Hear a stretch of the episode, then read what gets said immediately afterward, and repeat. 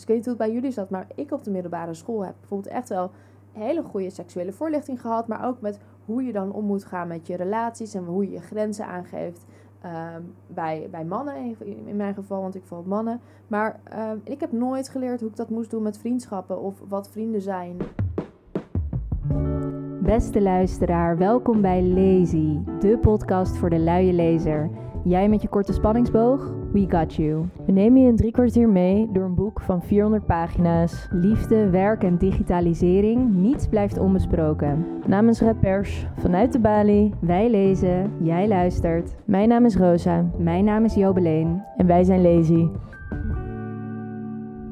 Hallo, daar zijn we weer. Dag Rosa. Hallo. Ehm, we bespreken deze keer even goede vrienden. Van Rauna Kadari. En er zijn inmiddels honderden zelfhulpboeken. Maar eigenlijk zijn er heel weinig boeken die beschrijven hoe je goed ja, vriendschap moet bedrijven. Ja, inderdaad. Ze heeft het over vriendschappen als een soort werkwoord. En uh, het is zelf wel een onderwerp waar ik veel mee bezig ben geweest. Het kan me namelijk soms best wel frustreren bij mijn eigen vrienden um, dat er niet zoveel initiatief wordt genomen. En ik neem zelf veel initiatief, dus dan worstelde ik er toch mee in mijn hoofd dat het vaak van één kant komt. En uh, dat het moeilijk is om daar een goede balans in te vinden. Um, en met dit wrange gevoel, uh, daar probeer ik dan ook de laatste tijd echt wel aan te werken. Uh, ik ben minder hard aan vriendschappen aan het trekken.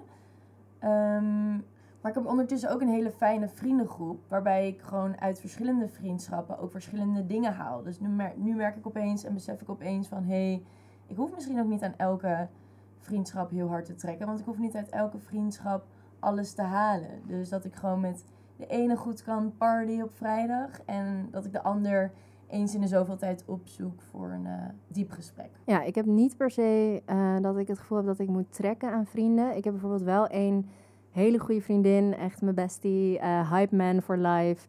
Um, maar met haar had ik wel een periode dat ik gewoon niet wist of een afspraak door zou gaan als wij een afspraak hadden met elkaar. En dat vond ik op een gegeven moment best wel lastig. Ja. En toen heb ik dat ook aangekaart. En zij gaf toen aan. Want ja, ik vond het soms ook wel lastig om te beoordelen of ik misschien gewoon moeilijk aan het doen was. Maar ik dacht ook weer. Ja, met andere vriendinnen heb ik dit niet. Dus als ik een afspraak met hen heb gemaakt een week geleden, dan hoef ik ze niet nog een reminder te sturen. En dan weet ik gewoon dat ze er zijn. Um, en aan de andere kant heb ik ook heel veel losse vrienden. Dus ik heb niet echt één vaste vriendengroep. En dat vind ik super fijn qua dat ik hele intieme relaties heb met die vrienden. Maar soms is het ook gewoon makkelijk om een vriendengroep te hebben waarvan je zeker weet dat je in de zomer ergens naartoe op vakantie gaat. Die gewoon altijd op hetzelfde terras zitten op vrijdagmiddag. Zelfde parties, zeg maar. Het is ook wel rustgevend of zo. Ja, dat kan ik me voorstellen. Nou goed, ik denk dat we genoeg hebben om over te praten. De druk van deze vriendschap wil ik niet. Heel veel liefs. Daar opent Rauna Kadari haar boek Even Goede Vrienden mee. Raunak is journalist bij het Parool en zit met ons in de studio. Welkom. Hallo. Leuk dat ik er mag zijn. Leuk dat je er bent. Je geeft aan dat de vriendschap te veel druk met zich meebracht. Uh, wat bedoel je daar precies mee? Um, nou, wat ik in dat specifieke geval ermee bedoel, is dat uh, ja, zij te veel van mij wilde, wat ik zelf eigenlijk niet wilde. Dus heel duidelijk, uh, zij wilde um, dat wij elkaar elke week minimaal één keer zouden zien. Dat was een harde eis voor onze vriendschap van hen. Uh, ja, en ik wilde dat niet. Ik wil sowieso niet een frequentie afspreken waarop ik mijn vrienden moet zien. Uh, maar ook dat het zo hard erop lag, vond ik heftig. En ook dat elke keer dat ik er dus niet bij was, bij uh, een, een, een date, om even zo te zeggen dat wij dan hadden met z'n drieën, um, dan werd dat een ding. Dus dan voelde ik me alsof ik aan het falen was of dat ik weer iets verkeerds had gedaan. Ik kan niet zeggen dat het echt ruzie werd, maar het was wel elke keer weer, oh ben je er weer niet? Oh, maar vind je ons weer niet belangrijk genoeg? Oh, dus dat werd elke keer een ding. En voor mij voelde dat heel erg alsof er um, een hele grote druk op mijn schouders rustte van, oh, ik moet aan die vriendschapseisen voldoen.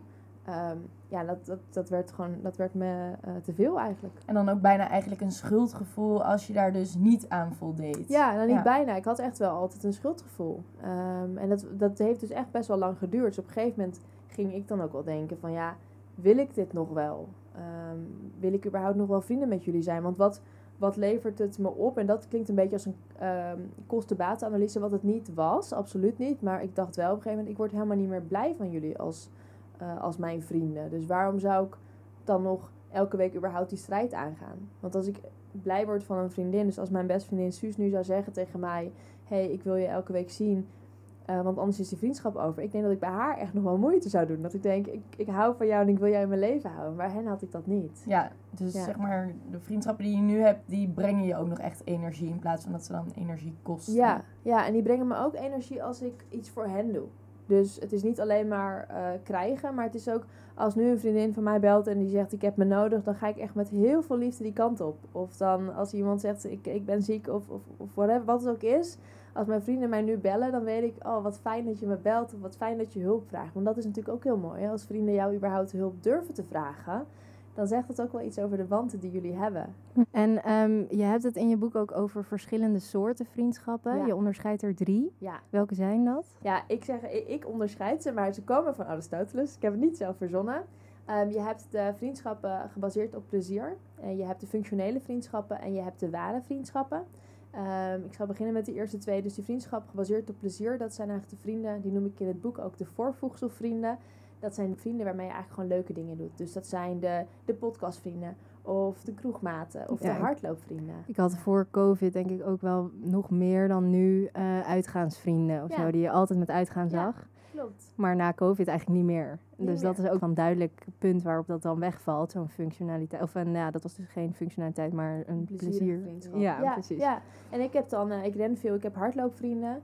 Ehm, en ik weet zeker dat als ik stop met hardlopen, dat ik best wel veel van die hardloopvrienden ga kwijtraken. En dat is niet erg, omdat we weten dat ehm, uit onderzoek dat vriendschappen complementair zijn. Dus ze vullen elkaar aan. Dus die eh, vriendschappen gebaseerd op plezier, die functionele en die ware vriendschappen, als je die alle drie eh, om je heen hebt, dan heb je eigenlijk een heel gezond eh, vriendschapsnetwerk. Ja, want je kan eigenlijk bijna niet alleen maar ware vrienden hebben die dan waar Klopt. je zoveel intensieve energie in stopt Klopt. en ontvangt. Ja, Maar mensen kunnen wel overstappen, soort van, Zeker toch? weten, ja, ja, daar kom ik zo op. Dus je hebt de plezierige vriendschappen, dan heb je de functionele vriendschappen. En dat zijn de vriendschappen die eh, ontstaan vanuit een bepaalde functionaliteit. Dus dat zijn vaak de collega's waar je vaak nog een borrel mee gaat doen of waarmee je samen gaat gaan eten. Of dat zijn de buren die ook vrienden worden. Maar je weet ook dat als je gaat verhuizen, dus als dat fundament wegvalt, dat je misschien helemaal niet nog vrienden blijft met je buren. En dat is helemaal niet erg. Dat hoort allemaal bij het leven. Maar het kan ook zo zijn dat op het moment dat, dat jullie eh, verhuizen of dat je een andere baan gaat vinden of dat je stopt met hardlopen in mijn geval, dat er bepaalde vrienden wel meegaan. Dus eigenlijk als het, het fundament stopt, dus als je stopt met ehm, waar je vriendschap mee is ontstaan, dan begint eigenlijk de vriendschapproef.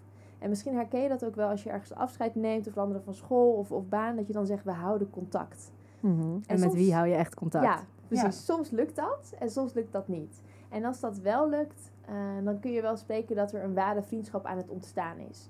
En ware vriendschappen die zijn er niet om wat je doet of eh, eh, hoeveel je verdient, maar die zijn er echt om wie je bent. Dus die zijn er voor jou. Dus het maakt ook niet uit of je verwisselt van baan of dat je heel andere kledingsmaak krijgt of dat je ehm, een andere vriend krijgt. Ehm, ze houden echt van jou en wie jij bent. Ja, en ik merk ook dat zo'n overstap van bijvoorbeeld een functionele vriendin naar een ware vriendin, dat het ook weer uitdagingen met zich meebrengt. Want je moet het weer gaan herorganiseren, een soort van Ja. je vriendschap. Want wat doen wij als inderdaad die functionaliteit wegvalt? En wat zijn dan de voorwaarden? Of ja, voorwaarden klinkt misschien heel zakelijk, maar eh, of wat zijn de verwachtingen die we dan ten opzichte van elkaar hebben? Ja, ja, dat klopt. Dat is ook best wel spannend. En ik, ik, zeg ook, ik pleit er ook echt voor, en dat zeg ik ook in het boek, om dingen zo expliciet mogelijk naar elkaar uit te spreken. Dus als jij die twijfels hebt van, oh, wat zijn eigenlijk onze verwachtingen als we nu vrienden worden en we zitten niet meer bij elkaar op school? Wat spreken we dan af? Wanneer zien we elkaar? Wat vind jij fijn en wat vind ik fijn? En welke frequentie vind je fijn? En wat wil je dan doen? En vaak in romantische relaties denken we dat dat heel normaal is om dat uit te spreken. Van hoe vaak zie je je vriend of vriendin. Eh, maar in vriendschapsrelaties denken we dat het wel goed zit. Het blijft Ah, een beetje onbesproken. Ja, oh, dat komt wel. Oh, dat gaat wel goed. Terwijl als je het juist bespreekbaar maakt, dan weet je ook wat de verwachtingen zijn van de ander. En dan kun je ook je eigen verwachtingen uitspreken. Ja, en je hebt het dus een- als laatste noem je ware vriendschap. Ja. Eh, en dat is ook op bepaalde elementen weer gebaseerd eigenlijk. Daar noem je er drie. Ja. Wel- welke drie zijn dat? Ja, je hebt eh, ware vriendschap kan ontstaan als er eh, vrijheid is. Ehm, als er sprake is van wederkerigheid en onafhankelijkheid. Eh, en dat zijn drie begrippen die ook wel heel dicht bij elkaar liggen. Ehm, maar wat goed is om te weten is dat je alleen vrienden kunt zijn als het vrijwillig is. En wat je daarmee zegt is dat je dus niet bijvoorbeeld vrienden bent met je, met je moeder of met je, eh, met je familie. En ik heb best wel vaak als ik dan lezingen geef over vriendschap, dat na afloop iemand naar me toe komt en die zegt, ja, maar ik ben wel vrienden met mijn moeder. Ja, tuurlijk, dat, voor mij mag je dat zo noemen. Alleen het verschil is dat ook al ehm, wat je ook doet, je moeder blijft je moeder. Je kunt nooit van haar af. En met familie is dat ook zo. Zelfs al overlijdt iemand, die bloedband die blijft. Maar met vriendschappen kies je elkaar helemaal vrijwillig. Maar ik kan me ook voorstellen dat iemand zegt... eh, ja, maar je kan er toch voor kiezen om je ouders niet meer te zien. Dus als je dan ouder wordt en niet meer afhankelijk bent van de zorg van je ouders... Ja, is het dan niet alsnog een soort van... ja maar het blijven wel je ouders. Ja, Terwijl als ik stop met vriendschap zijn, met vrienden zijn met iemand, dan zijn die mensen niks meer van mij. Eh, en dat is goed om te weten. En, en dit is natuurlijk eh, de basis. Ehm, en je kunt het altijd natuurlijk naar jezelf, naar je eigen hand zetten. Dus als jij zegt, ik wil wel vrienden zijn met mijn moeder, ja, wie ben ik om te zeggen, doe het niet. Maar het is wel goed om te weten dat vriendschappen kunnen ontstaan omdat ze vrijwillig zijn. En die wederkerigheid, die, ook een van de basisbeginselen, die komt in de zin van dat je, dat je geeft en neemt. En daarmee heb ik het niet over eh, jij een biertje, ik een biertje. Of, of jij deze vakantie en ik deze vakantie. Maar daar gaat het echt om dat je op de langere termijn in elkaar durft en wil investeren. Dus stel dat wij vrienden zijn, ehm, dan moet ik jou energie en tijd durven geven. Zonder de zekerheid dat ik dat ooit terugkrijg. En waarom ik spreek van tijd en energie. Dat zijn eigenlijk twee elementen die je nooit meer terugkrijgt in het leven. Dus eenmaal tijd uitgegeven en energie uitgegeven, je krijgt het nooit meer terug. En als je dat durft te geven aan een vriend, dan kun je spreken van ware vriendschap. Want dat is best wel uniek dat je dat durft te geven. Terwijl geld eh, komt en gaat. En onafhankelijkheid is ook een, een basisbeginsel. En ik zeg in het boek ook, je kunt geen vrienden zijn met je baas. Want je bent afhankelijk van je baas. Je kunt wel een hele goede band hebben met, met je baas. Ik heb een hele goede band met mijn hoofdredacteur bijvoorbeeld. Maar ik weet dat zij in die end ook degene is die mij kan ontslaan. En daar zit dus een enige eh, terughoudendheid in, in onze relatie. Want in die end bepaalt zij ehm, of ik nog bij die krant kan werken. Ehm, en die, eh, dat zit hem ook bijvoorbeeld in je dokter. Je kunt wel zeggen, ik ben vrienden met mijn dokter. Maar in die end is de dokter natuurlijk degene die gaat over jouw gezondheid. Dus dat zijn allemaal dingen die we mee moeten nemen als we een vriendschap ehm, aangaan eigenlijk. Mhm. Ehm, en goed om te weten dat dat de basisbeginselen zijn. En wat, dan, wat zijn dan binnen die basisbeginselen voor jou de belangrijkste dingen als je denkt aan de ideale vriendschap voor jou? En voor mij is de ideale vriendschap toch wel die wederkerigheid die ik moet voelen. Dus het, in het boek zijn heel veel dingen ook best wel eh, meetbaar gemaakt, omdat dat gewoon houvast geeft. Maar ik moet echt kunnen voelen dat mijn vrienden tijd en energie in mij durven te steken. ehm, zonder de zekerheid dat ze dat terugkrijgen. Maar als je dat ervaart, en ik heb dat nu echt een paar keer echt ervaren, dat vrienden er helemaal voor me zijn en me helpen. En ik ook hulp durf te vragen. En als je dat helemaal hebt, dat is het mooiste gevoel wat je, eh, wat je kunt hebben. Ja, want dat voorbeeld wordt volgens mij in de liefde ook wel eens gegeven van je kan nooit altijd 50-50 eh, je energie geven aan elkaar. En soms geeft iemand misschien heeft iemand 80 en iemand heeft maar 20. Ja, Maar als je dus dat vertrouwen hebt, zeg jij dat het ooit weer enigszins recht trekt, waardoor het gemiddelde rond de 50 zit, dan zit je goed. dan zit je goed. Dat slaat denk ik ook een beetje over wat ik in het begin aankaartte met die disbalans die ik af en toe in vriendschappen kon voelen. Van ik ben helemaal niet iemand, ik neem zelf altijd heel veel initiatief en ik heb veel creatieve ideeën om dingen te gaan ondernemen. Maar ik merk wel van als dat op een gegeven moment heel lang uit balans is, dat er dan toch een soort disbalans ontstaat waarbij je toch een beetje aan iemand begint te trekken. Ja, Ehm, en ondanks dat je zelf eigenlijk niet die persoon wilt zijn die dat doet, ehm, merk je dan toch dat het ergens een beetje begint te schuren, zeg maar. en zeg je dat dan ook? Eh, nee, eigenlijk blijf ik daar heel erg mee in mijn eigen hoofd Ja. rondlopen. Want Ja. wat, wat ik heb ontdekt toen ik het boek ook aan het schrijven was, is dat heel vaak van dit soort ja, relatief kleine fricties, die zijn er dan, maar de ander weet helemaal niet dat die er zijn, omdat die niet worden uitgesproken. Dus het kan ook zo zijn dat die ene vriendin waarvan jij denkt dat je aan haar loopt te trekken, dat ze gewoon even helemaal vol in haar hoofd zitten met hele andere dingen bezig is en wel jou wil zien, maar even de mentale ruimte niet heeft of zo. En helemaal niet doorheeft dat, dat jij Dat denkt... ik daar vervolgens mee zit eigenlijk. Precies, ja. ja. Terwijl als je het uitspreekt, dan, dan zijn er eigenlijk twee dingen die zij eh, kan doen. Is of ze luistert naar jou en ze doet er iets mee. Of ze zegt van, eh, nou, ik ben het er niet mee eens. En bij alle twee ben je een stap verder. En ik denk dat dat ook misschien het lastige is met waar een vriendschap een beetje een zwakke plek kunnen zijn, is om daar in een confrontatie aan te gaan. Je bent dat heel erg gewend met je liefdespartner inderdaad te doen. eh, of jezelf af te vragen of je wel een goede carrièrepad neemt. Maar om echt stil te staan bij je vriendschappen en niet bespreekbaar te maken met je vrienden.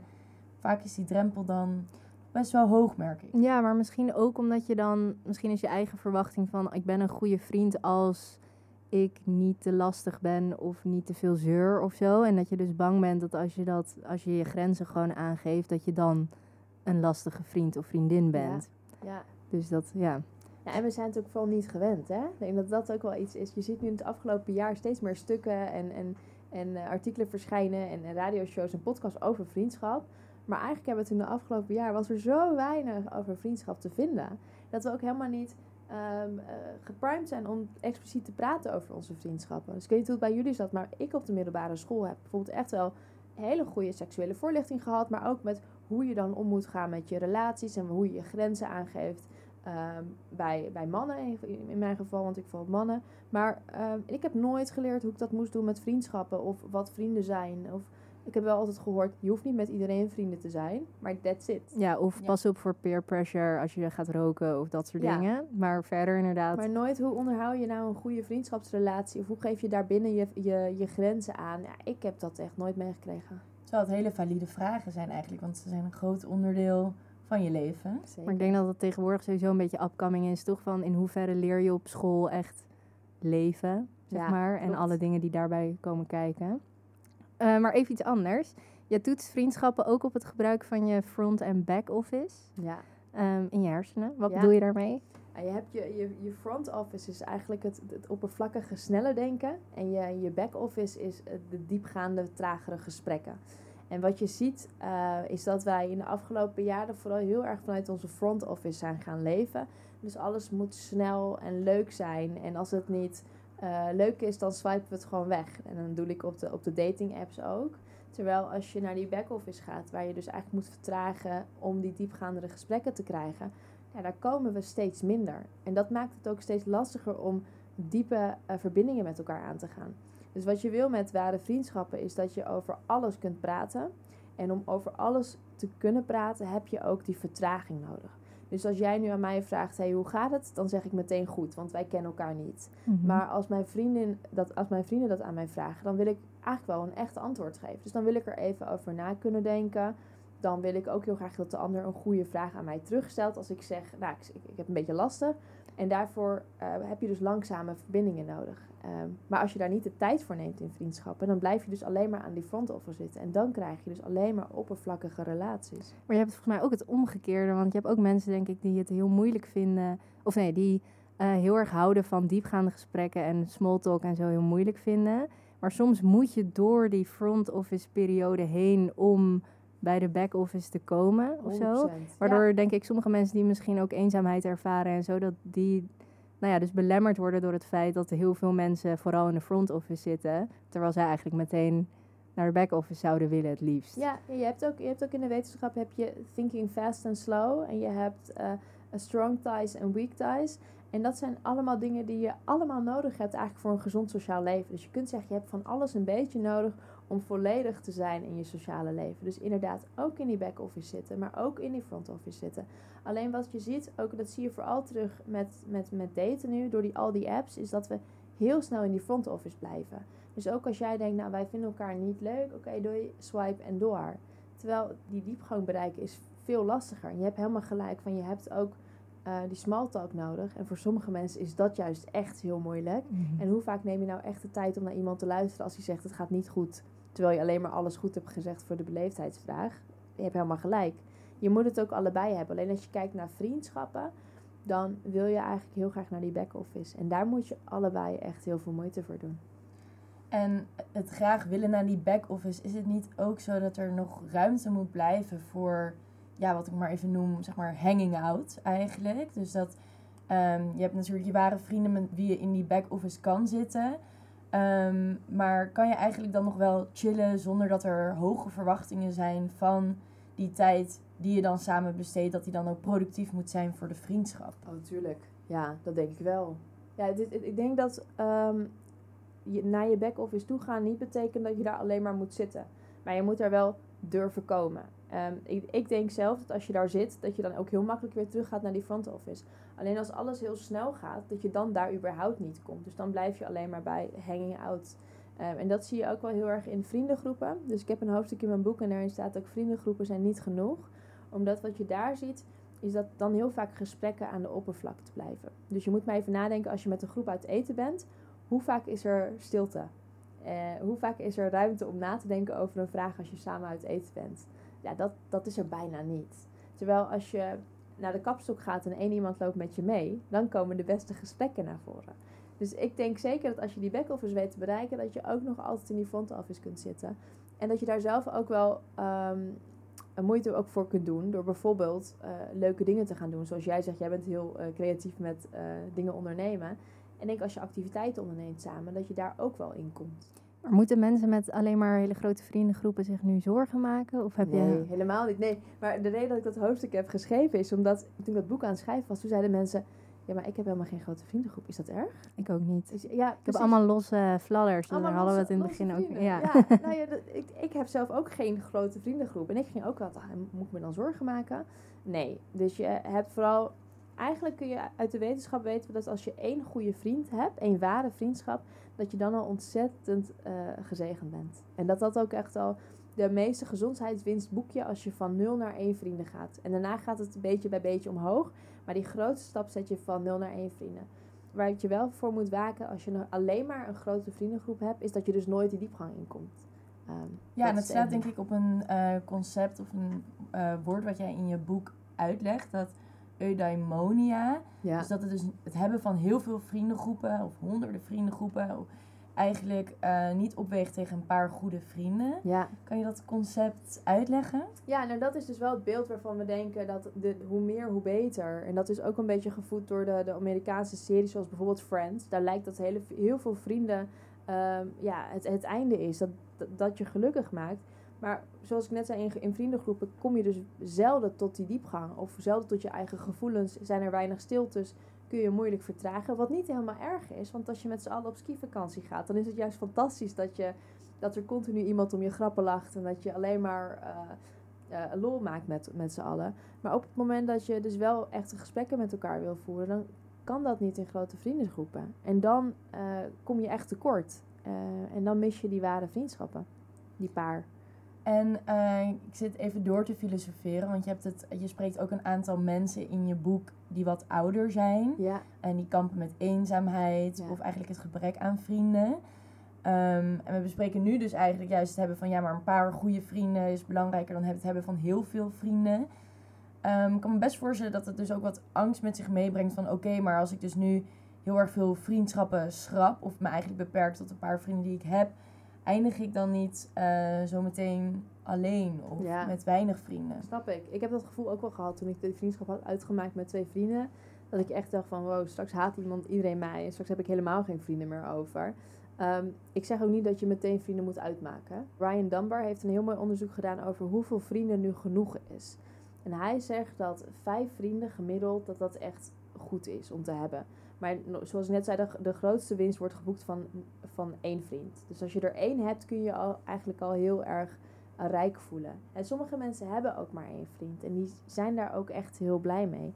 En sommige mensen hebben nog steeds nul vrienden. En je ziet ook in Nederland dat het aantal eenzamen uh, alleen maar stijgt. Ja, want hoe voorkom je dan eigenlijk dan als je dus bij bijvoorbeeld dus wel vijf goede vrienden hebt? Ik denk dat ik mijn moeder even als voorbeeld kan nemen. Ik denk echt wel dat zij vijf goede vrienden heeft of in ieder geval heeft gehad. Maar dan merk je nu toch, nu ze wat ouder wordt, een beetje rond die leeftijd van er pensioen komt, dat die vrienden toch meer terugtrekken in hun koppels en bijvoorbeeld buiten Amsterdam uh, een huis gaan zoeken.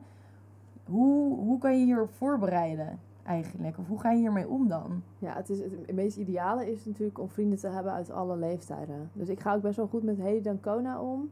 Zij is uh, eh, 84 inmiddels en zij zegt ook altijd als ik haar spreek, ja, ik heb jonge vriendinnen. Ik zorg voor jonge vriendinnen, want die blijven fit.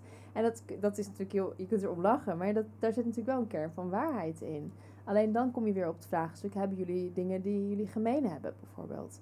Uh, maar het, helpt ook echt heel erg om het hier met je vrienden over te hebben. Dus jouw moeder bijvoorbeeld, heeft ze dat ooit tegen die vriendinnen gezegd? Want als je een ware vriendschap hebt, dan zou je kunnen denken, dit soort dingen moeten toch bespreekbaar kunnen zijn. En dat ook goed is om te weten, is dat we weten dat de gouden eeuw om nieuwe vrienden te maken is ongeveer tussen je 19e en de 25e. Want dan kom je op heel veel nieuwe plekken, ontmoet je heel veel nieuwe mensen, maak je ook heel veel nieuwe vrienden. Maar op latere leeftijd is het helemaal niet onmogelijk om nieuwe vrienden te maken. Het is wel lastiger. En we hebben vaak een wat langer wensenlijstje, want we weten al zelf wie we zijn en wat we willen en wat we niet Ja, willen. net zoals dat ze nu een nieuwe partner probeert te vinden. Dan heb je inderdaad een heel Ja, nou, wensenlijstje Dan heb je echt opgebouwd. een wensenlijstje. Dat is enerzijds positief, want je zit, niet, je zit niet meer in die ontdekkingsfase van wat wil ik nou, wat wil ik niet. Maar anderzijds is dat ook wel een moeilijkheid. Maar het betekent niet dat je op, op een oudere leeftijd geen nieuwe vrienden kan of wil maken. En ik was laatst ook weer ergens spreken en toen kwam er een vrouw van, nou, ik schat haar tussen de 40 en de 50. En die zei, toen ik ging uitspreken dat ik nieuwe vrienden nodig had, toen kwamen er vrouwen naar me toe die zeiden, ja, maar ik ook. En dat ze daarvoor altijd, zij was gescheiden en zij raakte ook haar vrienden kwijt en ze was in een nieuw dorp gaan wonen.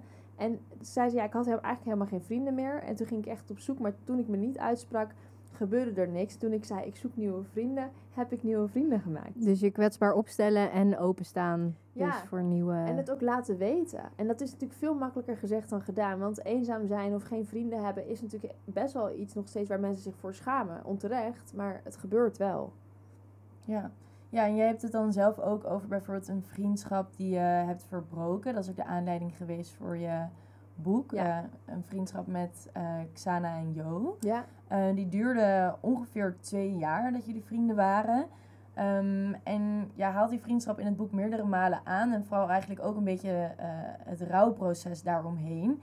En als ik het zo lees, eigenlijk is wellicht het rouwproces al langer gaande eigenlijk dan dat die vriendschap in totaal heeft ja geduurd. zeker. Ehm, hoe ben je daar eigenlijk mee omgegaan? Nou, aan het begin herkende ik het dus helemaal niet. Dus ik had nog nooit iemand om me heen gehad die een vriendschap had uitgemaakt. Ik wist ook niet van het fenomeen een vriendschap uitmaken. Dus toen ik het had gedaan, toen was ik eerst heel opgelucht. En daarna raakte ik heel verdrietig en ook wel een beetje boos. En ook dat ik dacht, is het niet heel arrogant van mij om dat te doen? Ben ik zelf misschien een slecht mens dat ik een vriendschap uitmaak met mensen die wel vrienden met mij willen zijn? En eigenlijk in die eerste periode had ik geen idee wat ik met mijn gevoelens aan moest, want ik kende het niet. En ik wilde het ook niet delen met anderen, omdat ik me best wel schaamde voor wat ik had gedaan. Want het is natuurlijk echt niet tof om een vriendschap uit te maken met een appje. Laten we daar eerlijk over zijn. Ehm, maar pas toen ik echt onderzoek ging doen naar wat vriendschap dan is en eh, hoe je een goede vriend moet zijn. En toen ontdekte ik ook vriendschapsverdriet. Dat is dus echt iets wat bestaat. En toen ontdekte ik ook dat je kunt rouwen om een verloren vriendschap. En dat je überhaupt kunt rouwen eh, als iets niet per se dood is. Dus rouw komt niet alleen bij, bij dood, maar ook bij het verlies van een liefde. En Gewoon Ja. verlies in het algemeen eigenlijk. Ja, je ja. noemt dat in je boek ook het proces waarbij we wennen aan een nieuwe werkelijkheid. En ik vond dat wel echt een hele mooie Ja. omschrijving. Ja, nou dat is het inderdaad. En een vriendschap is, als je een goede vriendschap hebt, is liefde. En als je die kwijtraakt, dan ontstaat er inderdaad een nieuwe werkelijkheid waar je aan moet wennen. Ehm, en waar ook gemis bij hoort. En dat ik het heb uitgemaakt betekent niet dat ik hen geen mooie mensen vond. Toen we wel vrienden waren. Want ik heb, ik haat ze niet. Ik vond toen wij eh, samen eh, die twee jaar vrienden waren, ik heb echt heel veel van ze genoten. Ik heb plezier met ze gemaakt. Ik heb hele mooie herinneringen gemaakt. Ehm, en waarom dat rouwproces dus zo lang duurde, om terug te komen op je vraag Ja. eerst herkende ik het helemaal niet. Dus ik wist niet wat ik ermee aan moest of wat het, wat het was wat ik voelde. En pas toen ik echt actief op zoek ben gegaan naar wat ik nou voelde en wat eh, dat vriendschapsverdriet überhaupt bestond. Toen pas begon voor mij echt het, oh wacht, ik ben eigenlijk, ik zit in een soort van quasi rouwproces. En dat gevoel, dat is helemaal legitiem. Gevoel is altijd echt, maar dat wist ik toen ook niet. Ehm, en toen pas kon ik echt gaan beginnen met verwerken. Ja, en ongeacht of het vanuit beide partijen misschien beter is als de vriendschap eindigt, dan kan het alsnog best wel pijn doen, zo'n Ja. rouwproces. En, maar is het altijd nodig om er een harde punt achter te zetten? Want Nee. soms kan het misschien ook fijn zijn als het gewoon zo... Doodbloed, Ja. ja. zeker. Ja, als er geen frictie is, hoef je er ook niet per se een punten achter te zetten. Dus een voorbeeld zijn ehm, de middelbare schoolvrienden. Als je die verlaat, dan gaat de ene studeren in Groningen en de ander gaat misschien naar het buitenland. En nou, jullie hebben een hele mooie tijd gehad samen, maar je bent gewoon uit elkaar gegroeid. Die vriendschappen hoef je niet per se uit te maken. Ik heb eh, vanaf de basisschool een fantastische vriendin gehad, Melody. En wij gingen naar de middelbare school en ehm, we kwamen op een gegeven moment in een andere klas terecht, andere afdeling. En we groeiden een beetje uit elkaar. En door social media zien we elkaar nog wel. En ik weet zeker dat als eh, wij elkaar weer zien, dat we dan gewoon weer heel goed met elkaar om kunnen gaan. Maar wij zijn niet ja, praktiserend vrienden gebleven, om maar even zo te zeggen. Maar ik hou nog steeds wel heel veel van haar. Ik haat haar niet. Ik vind haar zelfs een fantastische vrouw. En ze is ook net moeder geworden. Nou, dat vind ik geweldig. Ehm, ik zal met haar nooit een vriendschap uitmaken, omdat het me ook geen energie kost. Want ik word juist heel blij als ik haar zie überhaupt, of als ik zie dat ze floreert. Ehm, maar als je wel energie lekt, dan is het wel waardevol om er een punt achter te zetten. En dat doe je enerzijds niet alleen voor jezelf. Dus je kan denken, ja, maar het lekt voor mij energie, dus ik zet er een punt achter. Maar als de ander continu aan jou vraagt, wil je afspreken, wil je wat met me doen, heb je zin om een drankje te doen en je wil het niet, dan is het ook uh, respectvol om, het, uh, om een punt achter te zetten voor die ander. Want dan kan die ook beginnen met zijn rouwproces in plaats van aan het lijntje gehouden te worden door jou. Misschien, ja. misschien is het een mooi bruggetje naar je vriendschap met Ike. Ja. Uh, want je had moeite met het verbreken eigenlijk, met Ja. de vriendschap eh, met Ike. En wat is eigenlijk je les geweest uit het eindigen van die vriendschap? dat ik het echt meteen had moeten doen. Ja, ik was, ik was, dat was een vriendschap die ik had toen. Nou, ik was, een, ik was een tiener toen wij met elkaar omgingen. En op een gegeven moment merkte ik aan alles: dit is, dit is hem niet meer. Maar ik, ik durfde het gewoon niet. Ik durfde het niet uit te maken. En we hebben zelfs nog een beetje afstand gehad. En daarna zijn we toch weer terug bij elkaar gekomen. En dat kwam echt omdat ik niet duidelijk was. Want eigenlijk wist ik vanaf dat wij eh, de middelbare school afgingen van we zijn zo ver uit elkaar gegroeid en we hebben eigenlijk niks gemeenschappelijks. En ook de, de manier waarop zij dingen deed, vond ik niet fijn. Ehm, dat ik eigenlijk op dat moment, als ik er toen een punt achter had gezet, dan hadden we denk ik, als we elkaar nu tegenkwamen, gewoon hoi kunnen zeggen en een drankje met elkaar kunnen doen en, en door. Alleen omdat ik het dat niet durfde, heb ik het te lang laten eh, ja, broeien, kun je eigenlijk zeggen. Waardoor het eigenlijk ook een pijnlijkere Mega situatie. pijnlijk was. Het Ja. was een verschrikkelijke situatie. Ja, je hebt haar uiteindelijk toen veel later een mail gestuurd. ja, Want je schrijft ook in het boek, ik heb Ike de kans ontnomen om te starten met het verwerken van onze breuk. ja, En in die mail verontschuldig je je dat, dat je haar geen duidelijkheid hebt gegeven of de mogelijkheid hebt gegeven om het af te sluiten. ja. Maar in hoeverre was die mail echt voor haar afsluiting of voor jezelf eh, om het te kunnen loslaten? Want je weet natuurlijk niet of zij er echt nog mee bezig was. Misschien was zij, wel, had zij het al lang losgelaten. Ja, nee, dat kan. Maar voor, mij was het... Ik wilde het gewoon heel graag doen om haar te laten weten van... Voor mij is het echt klaar. Eh, voor mij was het wel achter, echt al even klaar. En die mail heb ik ook voor mij pas na twee jaar gestuurd nadat we uit elkaar zijn gegaan. Ik heb haar daarna nooit meer opgezocht of gedaan. En zij stuurt mij nog steeds, dat vond ik echt heel lief. eh, elk jaar een berichtje met mijn verjaardag. En elk jaar een berichtje als er iets, weer een, een nieuwe carrière stap. eh, dus zij zocht nog wel contact. Dus ik wil dat wel heel expliciet maken van het is klaar. Ehm, ja, dus het was wel, eh, die was wel echt voor haar.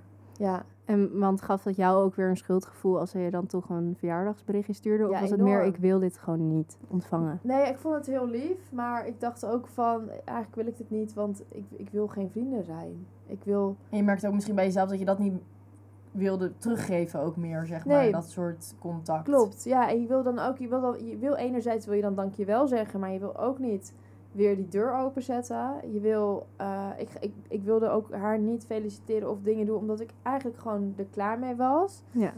En dat klinkt nu heel onaardig, maar die vriendschap, daar, daar is gewoon heel veel gebeurd. En op een gegeven moment kun je zeggen, het is, het is goed zo.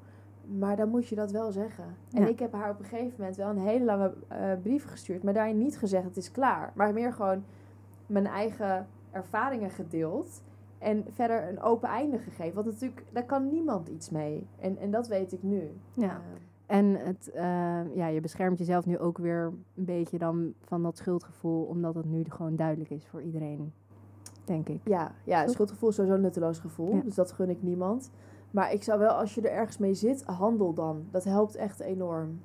Richting het einde van het boek gaat het over de bubbel waarin we eigenlijk allemaal leven en hoe dat ook invloed heeft op je vriendschappen.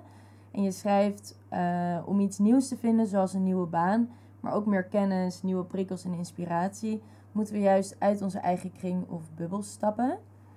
Eh, hoe kunnen mensen proberen zoveel mogelijk uit deze bubbel te stappen? Ja, mega moeilijk is dat. Want je, je zegt ook heel duidelijk bubbels. Maar ik sprak ooit met een socioloog, Jonathan Meijs. En die zei, ja, we noemen het bubbels. En dat impliceert dat we het zo kunnen doorprikken. Maar eigenlijk zijn we ingegraven in onze eigen werelden. En zien we überhaupt andere werelden niet.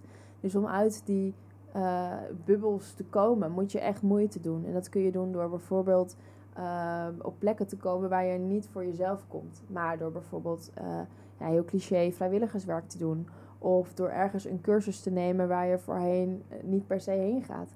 Of door bijvoorbeeld bijles te geven op plekken waar je zelf niet zo snel zou komen. Ehm, dat zijn allemaal plekken om buiten je bubbel te komen. Omdat helemaal als je in Amsterdam woont, maar ik denk ook vooral de Randstand eigenlijk, buurten zijn ook best wel homogeen. Dus je komt dan in je eigen buurt waar mensen wonen zoals jij, die vaak ook in hetzelfde sociale klasse zitten als jij. Nou, op je werk heb je dat ook. Ehm, als je dan niet actief iets onderneemt om daar, daaruit te breken, uh, dan kom je er niet. Dus daar moet je echt heel veel moeite voor doen. En dan heb je misschien zelfs dus ook niet eens door dat je in die bubbel zit. Ja, ja en wat kan helpen, wat, wat, wat ik heb gedaan en wat per ongeluk en waar ik dan nu nog steeds heel blij van word, is dat ik dan een cursus ging volgen bij een stichting. Dus dan kun je um, een tekencursus volgen bij het buurthuis bijvoorbeeld. Of een, uh, een portretfotografie doen bij een stichting. En dan, dan kom je echt al heel andere mensen tegen dan wanneer je het altijd continu alleen maar bij particuliere aanbieders gaat doen. En andersom ook, hè. Als je altijd alleen maar bij een stichting komt, kun je zeggen, nou, dan ga ik een keer bij een andere aanbieder. Um, daar kwam ik achter. Oh, wacht, dus zo kun je dus ook uit je, uit je bubbel treden. En wat vaak ook kan helpen is als je je middelbare schoolvrienden opzoekt. Um, het, is, het zal je verbazen hoe verschillend die terechtkomen. Vaak als je op een gemeente middelbare school hebt gezeten. Dus als je alleen op een gymnasium heeft gezeten, dan gaat het vaak niet op. Maar ik heb op een school gezeten waar TL, HAVO, VWO was. Uh, en er was laatst een reunie. En dan zie je dat iedereen op zo'n andere plek terecht is gekomen. Van huis tot baan, tot, um, tot woning, tot gezinssituatie. Dat dat ook al uh, uh, heel veel heeft gedaan bij mij. Ja, en buiten je bubbel treden kan dus misschien in eerste instantie heel veel energie kosten. Ja.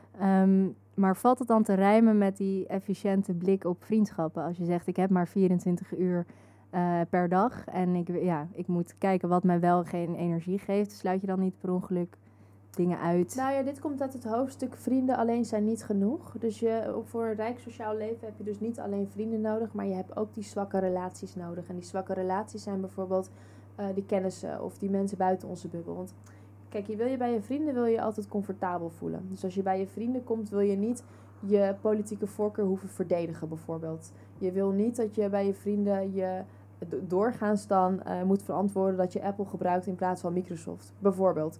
Maar je, bij je zwakke relaties kan het juist zo zijn dat je nieuwe dingen ontdekt. Um, en die onderhoud, die, die vergen ook veel minder intensieve, intensief onderhoud. Dus die middelbare schoolvrienden waar ik het over had, ik hoef niet met hen elke week koffie te drinken. Ik hoef ook niet met hen, ik hoef hen ook niet uit te nodigen op mijn verjaardag, die ik overigens nooit vier, maar het idee is leuk.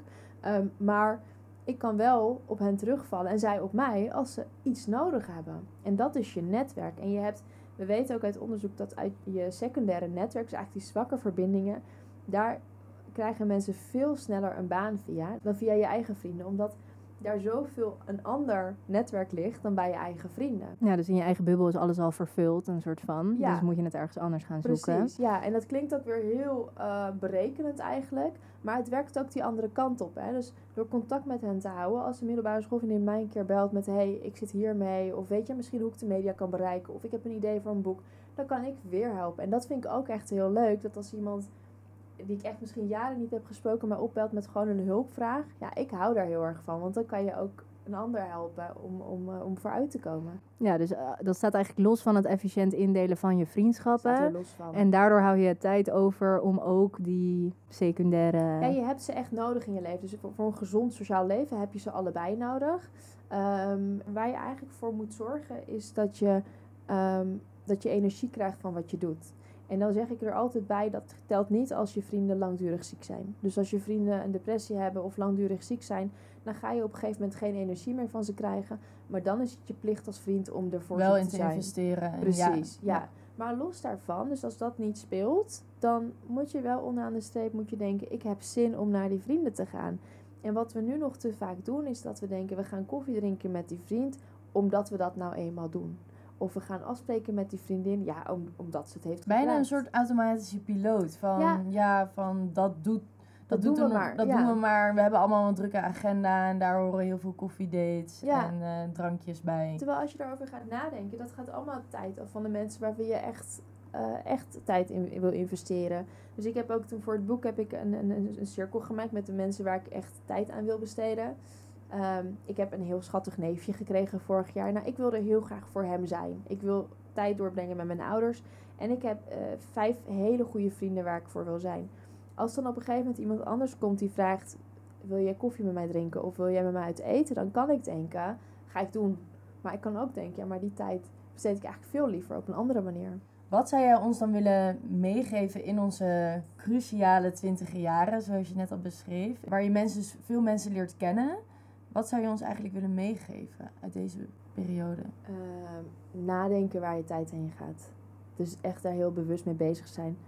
Ehm, en dat hoeft helemaal niet. eh, je, hoeft, je hoeft echt geen lijstje te maken met die wil ik nooit meer zien, die wil ik wel zien, die wil ik niet zien. Maar denk wel na, als je voor de zesde keer met tegenzin uit eten gaat met een groep vrienden, doe het dan niet. Een mooie tip. Dat is een goede tip. Ehm, ja, ik zelf heb een, eh, een heel goed vriendinnetje wat ik echt al ken sinds ik twee jaar oud ben van de Peuterspeelzaal. En we zien elkaar helemaal niet vaak, maar gewoon standaard op verjaardagen of grote momenten. Eh, toen ze haar master ging doen en naar Groningen ging verhuizen, dan zie ik haar. En je hebt ehm, in je boek ook één verhaal en dat ontroerde me heel erg en dat ging over Ilias. Ja, En ik vind het heel mooi dat je dat er wel nog in hebt kunnen verwerken. Eh, heb jij ook, weten die ouders dat je dit boek Ja, hebt zeker. geschreven? Ja, ja, ja. Ik heb, ehm, eh, nou ja, voor de luisteraar, eh Ilias en ik waren bevriend vanaf groep 1 op de, op de basisschool. En eh, wij zouden samen naar groep 2 gaan, alleen hij is overleden in de zomervakantie. Hij is verdronken in het zwembad. En ja, ik, was, ik was vijf en ik zou het nooit vergeten. Dus ik, het is echt bizar hoe je dat kunt onthouden. Maar hij, ja, hij, hij was mijn eerste echte vriend. En ik ben hem nooit vergeten. En ik lieg niet als ik zeg dat ik er bijna, bijna elke dag aan denk. Dus echt bij elk zwembad en bij elke schilderij, dan moet ik aan hem denken. Ehm, en toen ik dit boek ben gaan schrijven, heb ik ook zijn moeder gebeld. Want met die moeder hebben we nog best wel veel contact ook. Omdat Mhm. haar ouders en mijn ouders toen hij overleed ook best wel veel contact hebben gehouden. Omdat wij gewoon, ja, wij kwamen bij elkaar over de vloer. We waren gewoon goede vrienden van elkaar. Voor zover je dat kan zijn op die leeftijd natuurlijk. Eh, dus toen heb ik haar gebeld en toen heb ik het verteld. En eh, ja, ze reageerde super enthousiast. En ze was heel blij dat, dat hij in leven werd gehouden. Ehm, maar voor mij was het vooral, ik kan geen boek schrijven over vriendschap als hij er niet in staat.